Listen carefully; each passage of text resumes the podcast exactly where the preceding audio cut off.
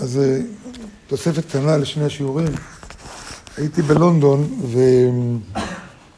ובזמן הפנוי שלי אמרתי, אני אפגש עם כל מיני תלמידים, שהיו תלמידים שלי שם. כמובן נפגשתי עם הקהילה, אחד אחד. ויש תלמידים שכבר הפסיקו לבוא לסנטר, והתקשרתי אליהם גם כן, דבר עם זה, דבר עם זה. הוא היה אחד, היה אחד, תלמיד ערבי מוסלמי, הוא ואשתו באו לסנטר, למדו קצת, נהיו תלמידים שלי, קירבנו אותם, באו לשבת, בהתלהבות עצומה, אז בזמנו באו לשבת, כל כך התלהבו, הוא ואשתו, ושני הבנים שלהם, תשע ושש הם היו אז, משהו כזה. ומה זה התלהבו, וזה כל כך רצו להתגייר, וזה... לא כמובן, לגלביור לא התייחסתי בכלל, אבל מצאתי, מצאתי, האישה לא דיברה טוב רוח אנגלית, רק, רק עברו לאנגליה, מ, הם גרו, בר, שניהם מסוריה, אבל הם גרו בערב הסעודית הרבה שנים, והוא בא עם העסק שלו לאנגליה, וקשיים, הרבה קשיים גם בעסק וזה. בכל מקרה, בגלל שהיא לא מדברת אנגלית, מצאתי, מצאתי סידור שכתוב בעברית ותרגום לערבית. צד בצד, כמו שיש בחוץ לארץ, נכון? סידור עם תרגום, ומצאתי גם חומש מתורגם לערבית. נדיר למצוא את זה. חומש מתורגם לערבית, ונתתי להם את זה, ש... שיהיה להם בזה. בכל מקרה, עוד כשהייתי שם, לאט לאט הוא הפסיק לבוא, הפסיקו לבוא, בשנה האחרונה שהייתי שם בכלל לא הופיעו. בסדר, בינתיים באתי לארץ, נכון? עכשיו חזרתי לשם, התלבטתי אם להתקשר אליו או לא. בן אדם לא, כבר הפסיק להיות מקושר לסנטר. להתקשר, לא להתקשר, מה, אולי נבזבז את הזמן שלי. להתקשר, אה, התקשרתי אליו. כל כך שמח שהתקשרתי, מה, מאיר, זה, בטח ניפגש. נפגשתי איתו, ובן אדם כולו בהתלהבות, בהתלהבות עצומה. ו... הוא אומר שהוא לא בא לסנטר, לא יודע, היו לו קשיים בעבודה, לא יכול היה, לא משנה, כל מיני סיפורים. אבל בסוף פתאום הוא אומר לי, אומר לי, מאיר, תשמע, אני חושב שאני יהודי. אמרתי, מה? מוסלמי, ואחד מוסלמי, נכון? אבא שלו, אמא שלו לא דיבר, אמא שלו נפטרה כשהייתה צעירה יחסית. מה קרה?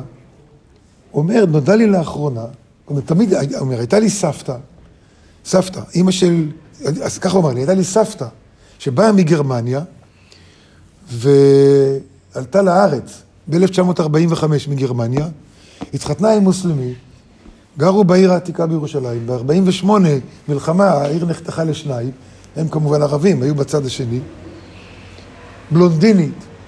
אומר, ובילדות שאלנו תמיד, איך סבתא בלונדינית, איך סבתא, ותמיד השתיקו את זה. היה קשר שתיקה סביב הסבתא הזאת. לא דיברו עליה הרבה ולא זה, תמיד נמנעו לשוחח עליה. הוא אומר, לאחרונה אנחנו בני דודים, מדברים אחד עם השני וזה. הם אומרים לי שיש להם מסמכים, וכנראה שהיא הייתה יהודייה. אמרתי, אימא של מי? הוא אומר, אימא של אימא שלי. אמרתי לו, אתה מבין מה זה אומר? הוא אומר, כן, זה אומר שאני יהודי. אבל איך אתה מרגיש? הוא אומר, אני בשמיים, אני מבסוט, מה זה? מבסוט, אני אף פעם לא, לא הרגשתי קשור לאסלאם או משהו. פשוט נולדתי ערבי, אז נולדתי ערבי, אבל... בקיצור, יש שם סיפור שלם במשפחה, עדיין קשר של שתיקה, אמרתי לו, צריך מסמכים, אי אפשר סתם ככה על סמך אה, שמועה. הוא אומר, הבני דודים שלי, קודם כל, במשפחה יש, הרוב לא רוצים לשמוע על הדבר הזה. ויש כמה בני דודים שהם ה, הילדים של האחות של אימא שלי. אומר, האימא שלו בכלל התגרשה מהאבא, אז הוא לא ראה אותה כל החיים. פעמיים או שלוש, סיפורים שלמים יש שם. ויש הילדים של האחות של, של האימא, והם אומרים שיש להם מסמכים, כל מיני מסמכים. הוא ביקש שייתנו לו, אמרו לו בסדר, ולמחרת הוא התקשר אליהם, אמרו לו, לא, לא משחררים לך מסמכים, לא רוצים לשחרר את המסמכים. יש פחד נוראי מה יקרה במשפחה, חלק בסוריה, חלק בירדן. אה, הסבתא שלו גרה בעיר העתיקה עד 67. אה? בירדן, ובמלחמה ברחו לירדן, חשבו שיחזרו, אי אפשר כבר היה לחזור.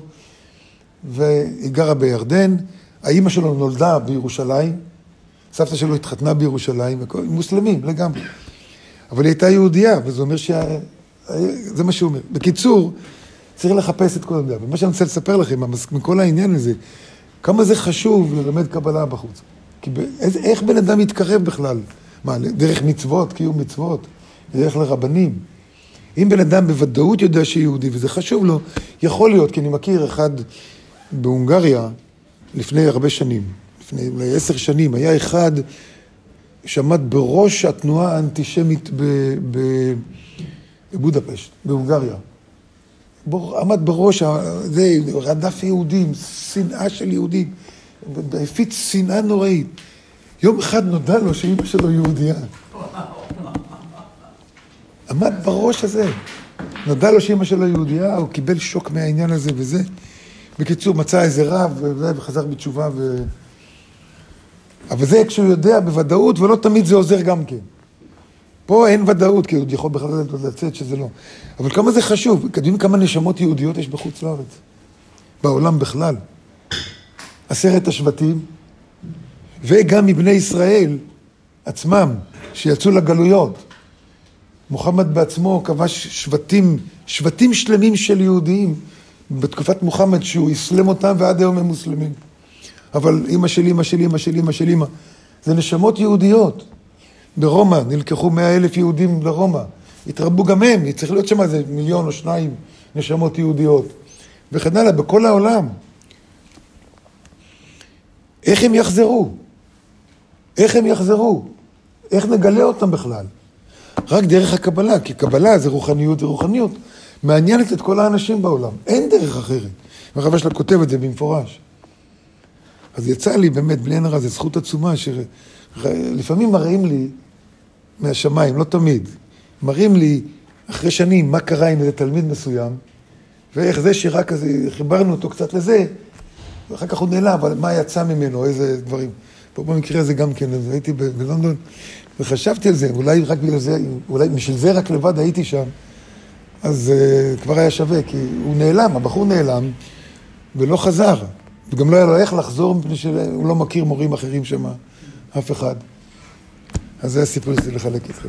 כמה זה חשוב להפיץ קבלה בעולם.